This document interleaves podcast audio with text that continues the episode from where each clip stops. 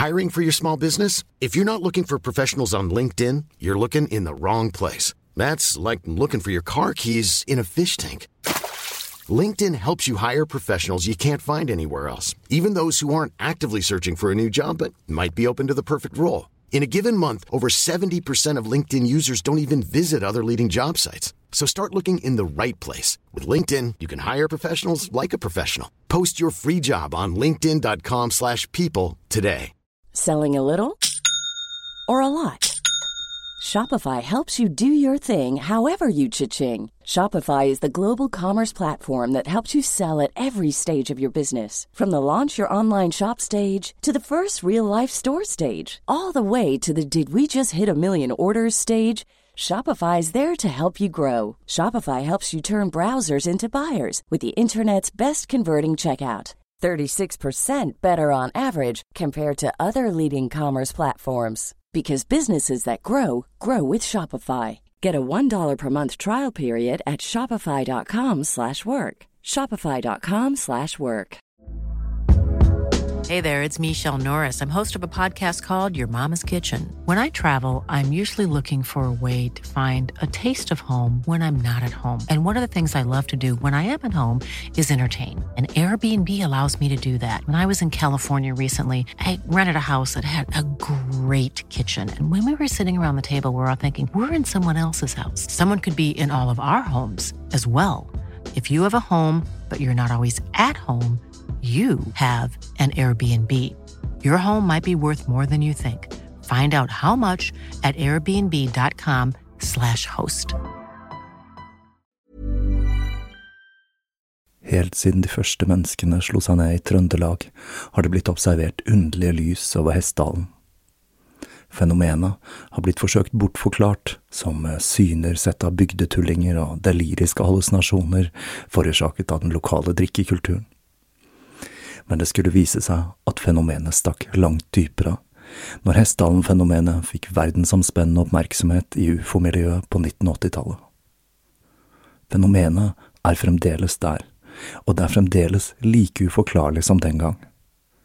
I 2024 kommer en podkastserie i seks deler, produsert av Project Hessdalen, som kanskje en gang for alle skal finne svar på hva som rører seg på himmelen i denne bortgjemte dalen i Trøndelag. Serien har som seg hør og bør fått tittelen A Blaze in the Northern Sky, og den kommer til din favorittpodkast-avspiller i 2024.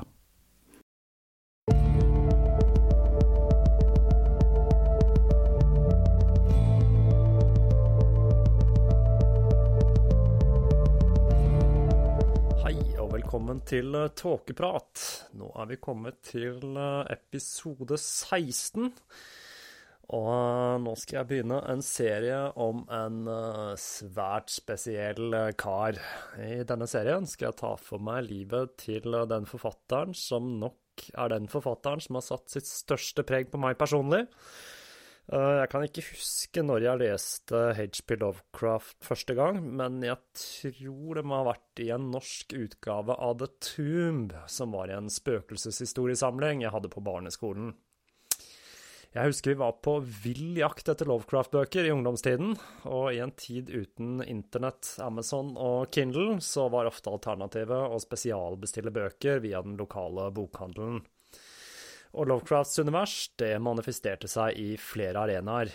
I filmer som Reanimator og Necronomicon, og i musikk, hvor Lovecrafts mytologi den dukket bare opp igjen og igjen i flere band enn jeg kan ramse opp her. Bare Metallica alene har jo både Call of Cthulhu og The Thing That Should Not Be, og ikke minst i rollespill. Vi brukte mange timer på å trille terninger mens vi kjempet oss gjennom eventyr fylt av tentakler, galskap og glemte guder i Call of Cthulhu. Lovecraft han er mer enn en forfatter, og han skapte et univers som har blitt utbrodert av mange andre forfattere, såkalte Cthulhu-mytos. Og mytologien hans det er nærmest en religion for mange. Og for noen så er det faktisk en religion. Det er noe jeg skal komme tilbake igjen til senere i denne serien. Noe av det første som fenget meg med Lovecraft, det er språket hans. Det er proppfullt av adjektiver og med unødvendig mange fremmedord og altfor lange setninger. Og ut av dette så spinner Lovecraft sin verden på en måte som føles både vitenskapelig og til tider dokumentarisk.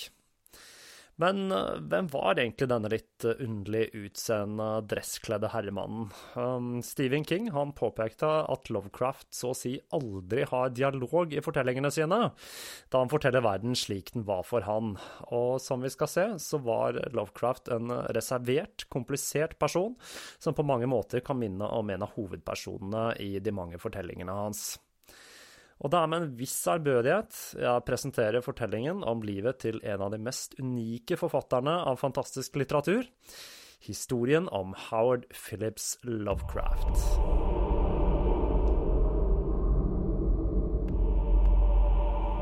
Howard Phillips Lovecraft ble født eh, klokken 9.00 den 20. august 1890. Han har da bursdag samme dag som meg. Han eh, ble født i hjemmet til hans mors familie i 194 Angle Street, Providence, Rhode Island. Foreldrene hans, Winfield Scott Lovecraft, en handelsreisende for Gorham Silversmiths, og Sarah Susan Phillips, datteren av en velstående entreprenør, fikk han etter kun ett års ekteskap. Og like etter fødselen så flytter de og leier et hus i Dorchester, det er en forstad til Boston. Susan, som var det navnet Lovecrafts mor brukte om seg selv, hun så på seg selv som en av aristokratiet, og når hun etter bryllupet oppdager at Winfields framtidsutsikter langt fra var så lovende som hun var blitt fortalt, så blir hun dypt skuffet. Men hun var i likhet med sin sønn svært flink til å pynte på sannheten, og Howard skrøt gjennom hele oppveksten av at han var av renraset engelsk avstamning, men lite er kjent om opphavet hans, bortsett fra at moren hans var av respektabel avstamning, men eh, dette var langt fra nok til å rettferdiggjøre påstanden hans om at han kom fra en lang slektslinje av britisk adel, hvis føderett var å leve som en kunstner og livsnyter, selv om økonomien ikke strakk til. Ifølge naboen til Howard, Clara Hess, så lignet Howard mer på sin mor enn sin far, og han hadde arvet den underlige neseformen som ga Susan et spørrende uttrykk. Susan hun ble betraktet som vakker i samtiden, og hun hadde porselenshvit hud. Men det ble sagt at hudfargen hennes den skyldtes bruk av arsenikk. Arsenikk, nemlig, ble som, det ble brukt som medisin mot det aller meste av sykdom, inkludert morgenkvalme, raumatisme og dårlig blodsirkulasjon. Og arsenikkbruken den bidro kanskje til Susans nervøsitet og svake syke. Hun var kjent for å være svært frigid og motsatte seg enhver form for fysisk kontakt. Det finnes ett bilde av familien med Howard som liten. Eh, da kledd ut som ei lita jente. Dette var ganske vanlig, ikke bare i viktoriatiden, men dette var faktisk normen i Europa i flere hundre år. Og blant annet eh, Theodore Roosevelt var offer for denne litt eh, underlige skikken, som faktisk overlevde helt fram til den første verdenskrig. Jeg skal legge ut et bilde av dette her. Det ser, ser litt spesielt ut. Howard han kunne nok eh, ha fått en lykkelig barndom da faren var relativt velstående, men den 19. juli 1898, da Howard er kun sju år, så dør Winfield, og Howard blir boende med sin mor i en tilværelse der han til tider blir kvelt av nervøsiteten hennes. Et eksempel på dette det er når Susan kjefter på en venn av henne fordi hun har tatt Howard i armen, og hun er redd for at armen skal bli dratt ut av ledd. Men de hadde penger, og Howard han vokste opp som privilegert. Vognmannen til bestefaren hans bygger et klubbhus til Howard med trapp opp til en observasjonsplattform på taket. Og Howard han bruker dette huset til å bygge ut modelljernbanen sin i, og når han blir litt eldre, så bruker han taket som plattform for teleskopsamlingen sin. Og dette huset ble også da brukt som klubbhus for noen få utvalgte medlemmer. Favorittfritidssysselen hans uh, når han var liten, det var å bygge miniatyrlandsbyer med trehus, vindmøller og slott, komplett med infrastruktur med trikk og tog og miniatyrtrær og tinnsoldater. Og om Susan glemte å be Howard rydde opp etter seg, så vokste disse byene seg større, og enda større. Howard brukte disse til å lage seg små fortellinger, og han ga de forskjellige tinnsoldatene egne roller i historiene han lagde. Howard kom eh, ikke så godt overens med barn på sin egen alder. Han så på de som bråkete og uorganiserte, og de på sin side så på han som en fjern raring. Og han foretrakk selskapet til de voksne. Et av Lovecrafts tidligste minner er da han blir venn med Sankt Bernhardshunden til hun de leier huset av, poeten Louise Imogen Guinea. Han kan putte hånden sin i munnen på bikkja, akkurat som en løvetemmer, og dette er han svært stolt av, og han forteller at Sankt Bernharden, som het Bronte, beskyttet han mot alle som kom for nære, og knurret på de. Og det var i Ginnys hus han først lærte hvordan han kunne imponere med språk. I en alder av to år så kunne han flere barnevers utenat, annet Mor gås, men han gikk raskt over på mer avansert materiale, som Sheridans Ride av TB Reed, noe hans far, som likte militær litteratur, satte stor pris på. Han leverte versene med så stor innlevelse og bravur at eh, de ble mottatt med rop og applaus, og det var åpenbart at denne gutten var spesielt begavet. Men den lykkelige barndommen fikk en brå slutt, og i april 1893 så får Susan beskjed om at Winfield har fått et nervøst sammenbrudd på et hotellrom i Chicago.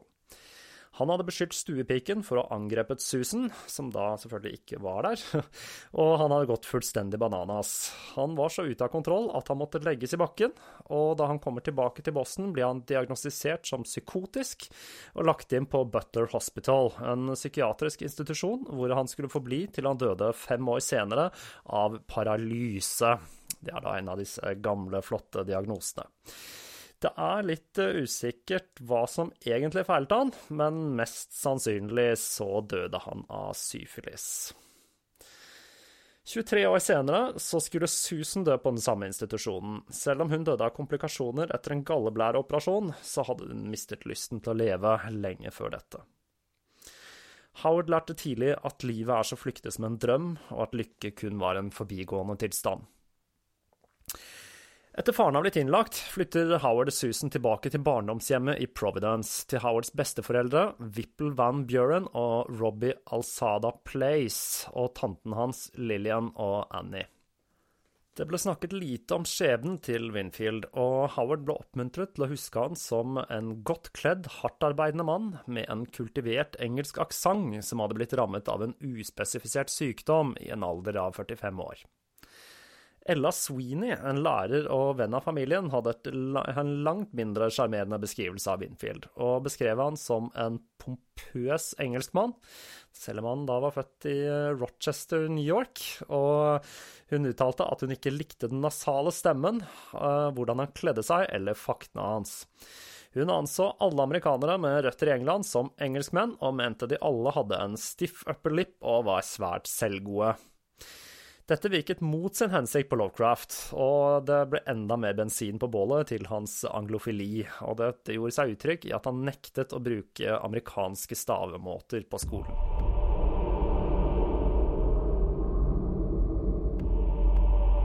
Howard forsøkte å få sin mor til å fortelle om faren, men dette var tydelig et svært følsomt tema for henne, og for å unngå dette så begynte han å tilbringe mer tid med bestefaren, som snart skulle bli senteret i universet hans. Whipple Van Buren han var en rik industrialist, og han hadde tjent og tapt flere formuer før han ble en surrogatfar for Howard. Og til tross for å være en macho rik mann, så var han svært begeistret for Howard, men han var ikke like glad i Susans feminine influens over gutten. Susan la da ikke skjul på at hun egentlig hadde ønsket seg en jente, og Vippel han får Howard til å klippe det lange håret og begynne å gå i bukser, mot at uh, han skulle fortelle gutten historier, og at han skulle få se den utstrakte samlingen av kunst og antikviteter han hadde. Howard fikk håndtere ekte romerske mynter, noe som gjorde et enormt inntrykk på gutten. Og det var ikke verdien av myntene som imponerte, men det var tanken på at de var håndtert av mennesker som levde 20 århundrer tidligere, og de ga ham et slags psykisk bånd til fortiden. Og selv om Lovecraft senere uttrykker stor skepsis til det overnaturlige og spiritister, så hadde han enorm respekt for forfattere som kunne beskrive fortiden så livaktig at leseren ble transportert tilbake i tid. Spiritister det var da en skikkelig farsott på den tiden, og som en som Lovecraft senere samarbeider med, utbytterkongen Harry Houdini, han var spesialist på å avsløre denne typen spirituelle svindlere. Bestefaren underholdt også Howard med mørke, gotiske historier fra tradisjonelle eventyr og mytologi, og Lovecraft sa senere at jeg har aldri hørt muntlige, fantastiske historier, bortsett fra de min bestefar fortalte. Og han som hadde sett hvilken smak jeg hadde i litteratur, han satte sammen originale historier om mørke skoger, dype grotter og bevingede vesener, hekser med boblende gryter og dype, lave stemmer i natten. Og når Howard var gammel nok til å lese selv, så åpnet bestefaren sin biblioteket sitt for Howard, og fortalte han at all verdens rikdom ikke lå i verdifulle gjenstander og materiell rikdom, men i hemmelighetene til stjernene, i mysteriene til tapte sivilisasjoner og ideene til de største tenkerne, oppfinnerne, filosofene og forfatterne. Han trengte ikke å si noe mer for å fyre opp fantasien til den unge Howard, som leste seg gjennom en barnevennlig utgave av Brødrene Grim da han var fire år gammel, for så å kaste seg over 1001 natt, som han sa at ga han en portal til et skinnende landskap av undring og frihet. Inspirert av 1001 natt, så ber han moren om å innrede rommet hans sånn at det var passende for en persisk prins, og han får det innredet med tepper og pyntegjenstander fra forskjellige orientalske kuriositetsbutikker. Og han begynner å kalle seg selv for Abdul al-Hasred. Og dette er litt skuffende, fordi den mystiske forfatteren av Necronomicon, det er nemlig noe Lovecraft fant på i barndommen sin, og er satt sammen av ordene All has read, sånn at det høres eh, arabisk ut. Den boka som gjorde sterkest inntrykk på lille Lovecraft, det var nok eh, Rhyme of the Ancient Mariner. Han hadde nemlig kommet over en illustrert utgave hjemme hos en av vennene til tantene hans. Og boka den var illustrert av den franske illustratøren Gustav Daur, hvis illustrasjoner Howard allerede kjente til fra en av bestefarens illustrerte utgaver av Paradise Lost. Og dette var en kilde til bunnløs fascinasjon for Howard.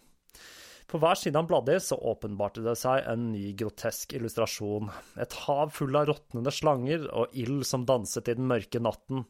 Et spøkelsesskip med ustykkerrevne seil under en blek fullmåne. To dødninger som spilte terning. Engler og demoner og råtnende menn som reiste seg og satte seil.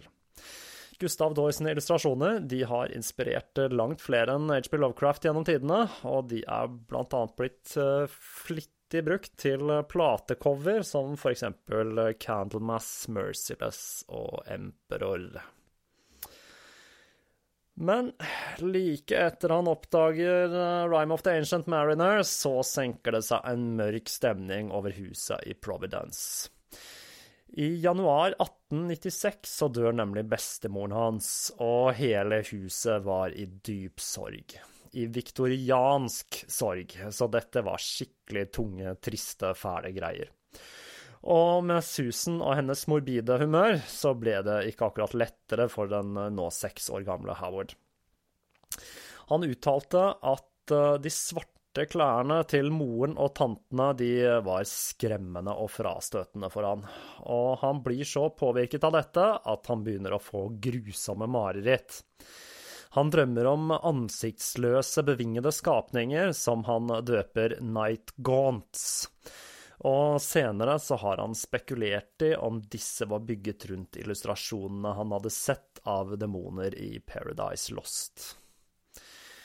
Han forsøker å tegne de for å drive de vekk fra sinnet, men hver gang han sovner, så var de der i drømmene hans. Og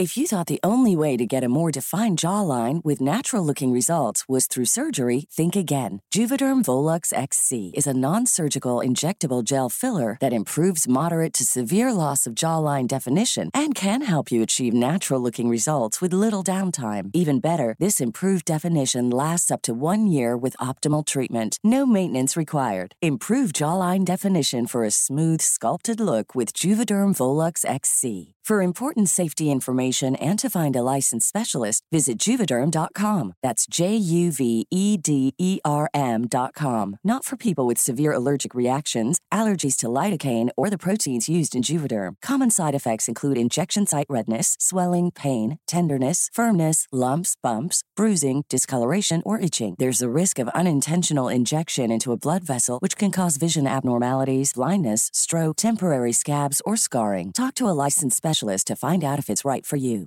I'm Sandra, and I'm just the professional your small business was looking for. But you didn't hire me because you didn't use LinkedIn jobs. LinkedIn has professionals you can't find anywhere else, including those who aren't actively looking for a new job but might be open to the perfect role, like me.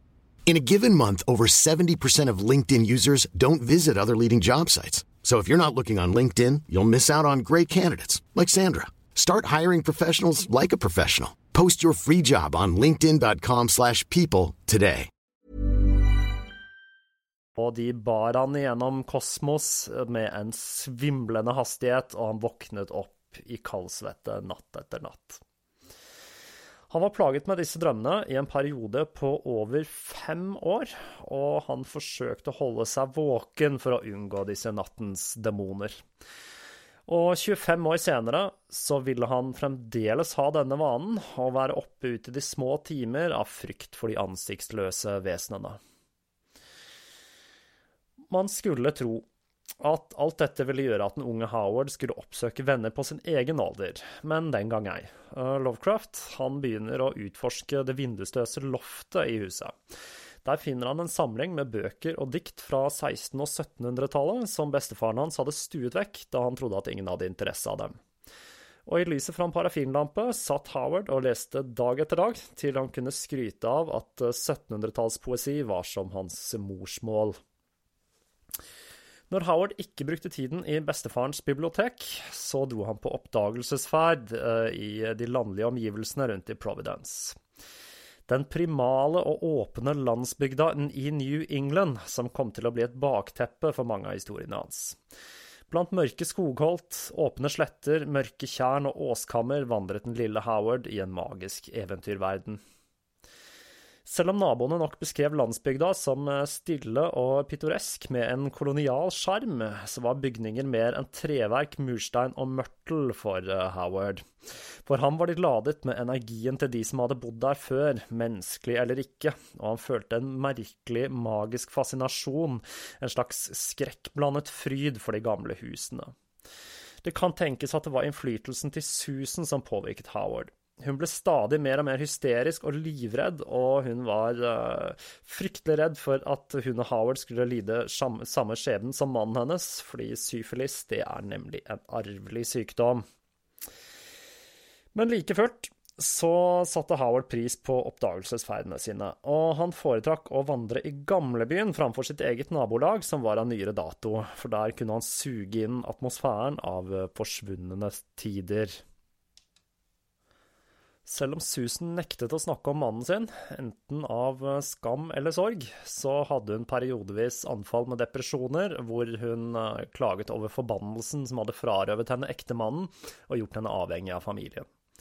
Selv om Howard nok ikke skjønte så mye av hva som foregikk med moren hans, så ble han sterkt preget av Susans oppførsel. Og for å unngå de følelsesmessige utbruddene til sin mor, så ble han mer og mer innesluttet. Jo verre hun ble, jo mer la han bånd på seg selv for å forhindre at han framprovoserte nye utbrudd. Og for å sperre morens tirader ute, så begynte den unge Howard å skrive. Hans første forsøk det var i en alder av sju år, og det var en gjenfortelling av Odysseen. Men det tidligste verket som har overlevd fram til i dag, det er det 88 linjer lange diktet 'Poem of Ulysses' fra 8. november 1897. Selv om Howard selv sa at dette diktet var ganske dårlig, så har det visse litterære kvaliteter som overgår forfatterens alder, og som viser at Howard hadde en god språklig forståelse svært tidlig. Han begynner å selge historiene sine til den nærmeste familien, og med profitten fra salget så kjøpte han avstøpninger av greske og romerske guder. Og han lager seg et lite alter, der han ber til gudene og ber de manifestere seg for å bevise sin eksistens. Mens de andre barna lekte cowboy og indianer, så søkte Howard til skogen, der han så etter ånder og uvesener, og han hevder å ha hatt en mystisk opplevelse på en av disse turene der han hadde sett pan og dansende feer.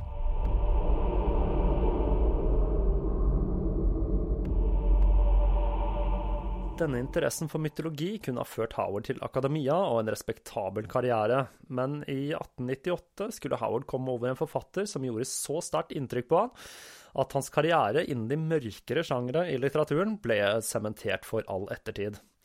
Denne forfatteren er i seg selv en legende og har en helt spesiell plass i litteraturhistorien. Lovecraft hadde oppdaget Edgar Allan Poe.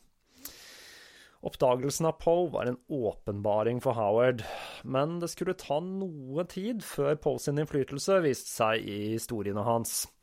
Howard var nemlig besatt av magasiner med detektivhistorier, og influensen fra disse kan ses i hans tidligste spenningshistorier, som The Mysterious Ship, The Mystery of the Graveyard, John the Detective, The Haunted House, The Little Glass Bottle, The Secret Cave og The Noble Eavesdropper.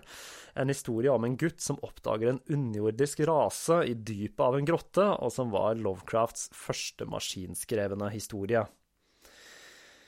Howards bekymringsfrie tilværelse den fikk en brå slutt da han begynner på Slater Avenue barneskole, men det viser seg raskt at han hadde en bedre utdannelse enn det lærerne kunne tilby han.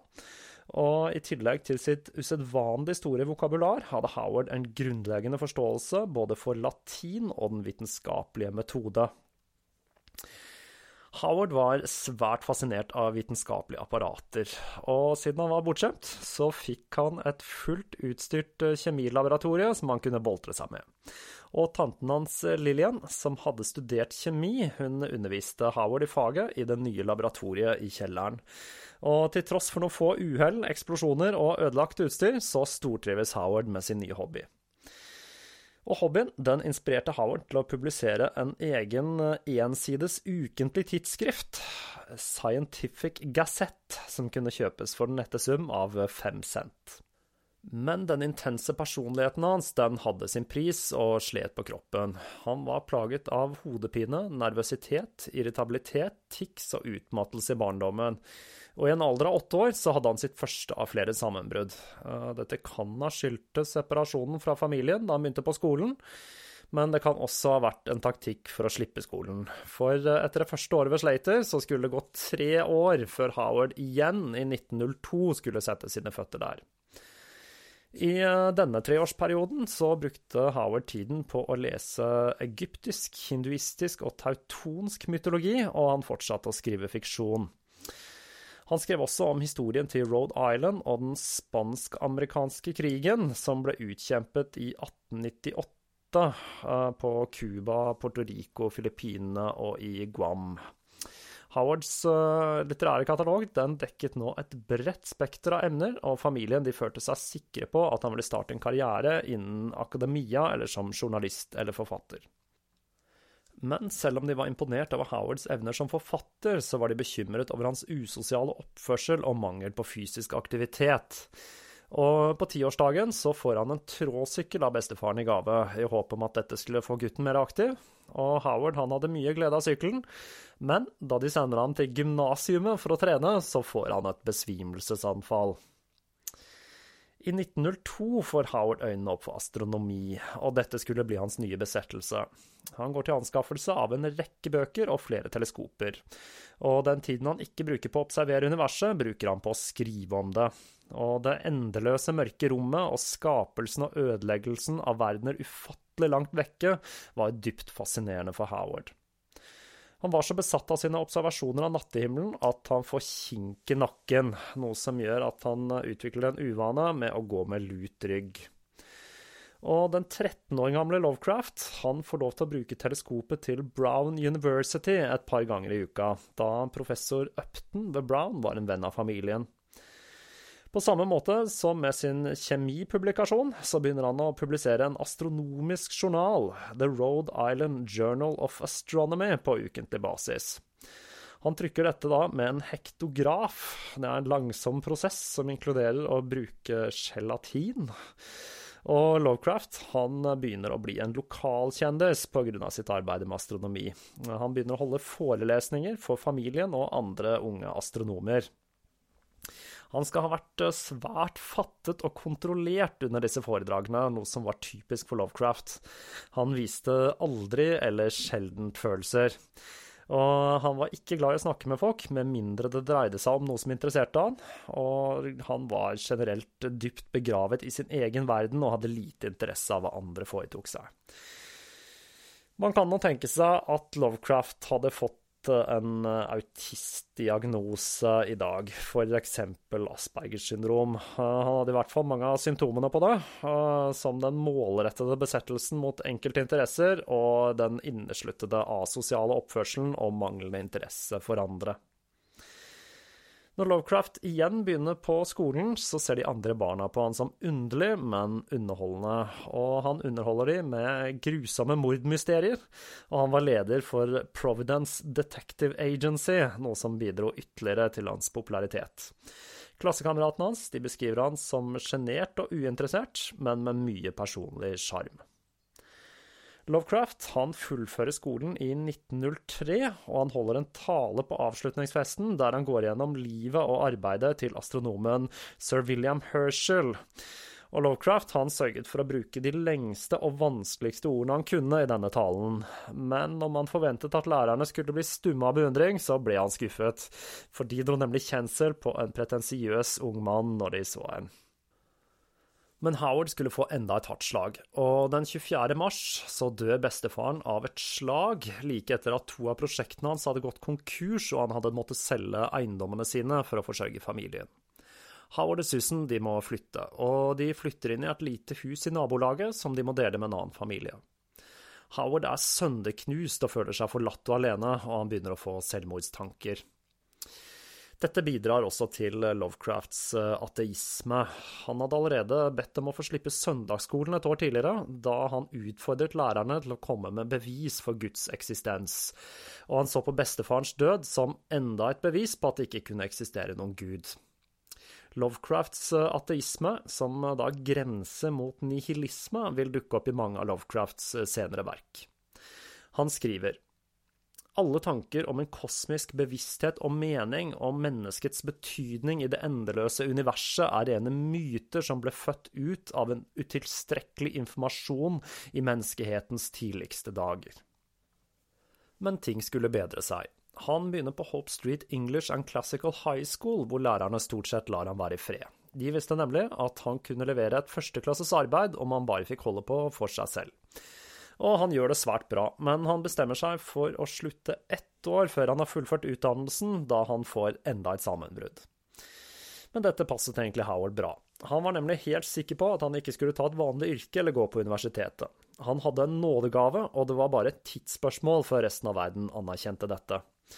Og dessuten så var han ikke så skarp i matematikk, noe som ville gjøre det vanskelig for han å studere astronomi, som jo var hans store lidenskap. Til tross for sin høye intelligens så hadde Lovecraft en dårlig egenskap han nok hadde arvet etter sin far. Han trodde blindt på sin egen overlegenhet, noe som gjorde seg uttrykk i hans tro på den ariske rases overlegenhet og antisemittisme. Raseteorier de florerte på denne tiden, og det er ikke alltid så lett å vite hvor i rasismespekteret personer på denne tiden var i forhold til hva som var normen. Både Rudolf Steiner med sin teori om den degenererte ariske rase fra Atlantis, og Robert E. Howard med sin visjon av Afrikas mørke kontinent i historiene om Solomon Kane, er begge to gode eksempler fra samtiden på at dette tankegodset var svært utbredt. Men det er ting som tyder på at Lovecraft var mer opptatt av raserenhet enn folk flest. Blant annet så er det flere i samtiden som reagerer på noen av tiradene hans mot annet jøder, og at han senere gifter seg med en jødisk dame, legger ingen bånd på Lovecraft. Tvert imot, han turer frem med jødekonspirasjoner selv når hun er til stede. En del av disse ideene dukker også opp i Lovecrafts private brev og i noen av historiene hans, som i The Horror at Red Hook og i Herbert West Reanimator. I sistnevnte så skriver han følgende Han var en vederstyggelig gorillaaktig ting, med abnormalt lange armer, nesten som frambein, og et ansikt som fortalte om hemmeligheter i Kongo og bongotrommer under en mystisk måne. Kroppen måtte ha sett enda verre ut da den var i live. Det er mange stygge ting her i verden. Selv om eh, Lovecrafts følelsesliv ikke ser ut til å utvikle seg i tenårene, så gjør skrivingen hans det. Og The Alchemist og The Beast in the Cave stammer fra denne perioden, og det er to historier som stadig dukker opp i eh, Lovecraft-novellesamlinger. Og det er i disse to historiene han også virkelig da begynner å bruke det svulstige språket, proppfullt av adjektiver, som han er veldig kjent for. Perioden 1908 til 1913 av perioden Lovecraft beskrev som eh, mine svake år, og han produserer nesten ingenting av betydning. Han isolerer seg fra omverdenen, og han går sjelden ut eller snakker med folk. Og moren hun begynner da å hakke på han og kaller ham for stygg og deformert. Og en venn av Susan, eh, Clara Hess, hun forteller at eh, Susan snakket ofte om sønnen, og sa at han var så stygg at han måtte holde seg innendørs. Så det var ikke spesielt koselige familieforhold i Lovecrafts hus på denne tiden. Men i 1914 så snur lykken seg igjen for Lovecraft. Han blir oppdaget av eh, Edward F. Dawes, som eh, var presidenten av United Amateur Press Association. Han setter stor pris på Lovecrafts intelligente måte å takle ulike temaer på, og han ansetter han som journalist, noe som gir Lovecraft fornyet tro på seg selv. Artiklene han skriver, de når nå ut til eh, titusenvis av lesere, og Lovecraft får nå enda en kilde til inspirasjon. Han eh, begynner å fatte interesse for pulp-magasinene og deres eh, fantastiske historier. Og selv om han sier at de litterære kvalitetene var nok ikke det beste, så blir han en trofast leser, og han begynner å skrive brev til diverse magasiner. Og etter hvert så får han solgt The Beast in the Cave og The Alchemist til avisen The Vagrant. Og disse blir svært godt mottatt og gir Lovecraft et dytt han trenger for å igjen skrive fiksjon. Og i juni 1917 så skriver han The, uh, The Tomb og Dagon i løpet av bare et par uker. Og dette er jo to svært klassiske Lovecraft-historier.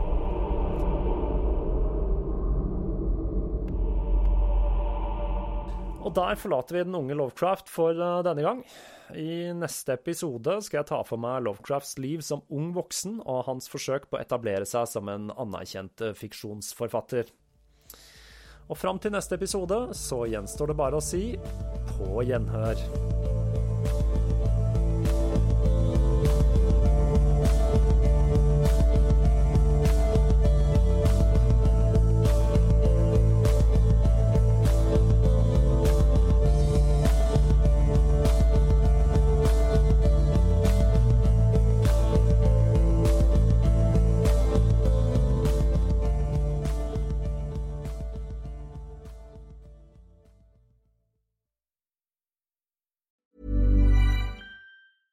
Selling a little or a lot? Shopify helps you do your thing however you cha-ching. Shopify is the global commerce platform that helps you sell at every stage of your business. From the launch your online shop stage to the first real life store stage, all the way to the did we just hit a million orders stage.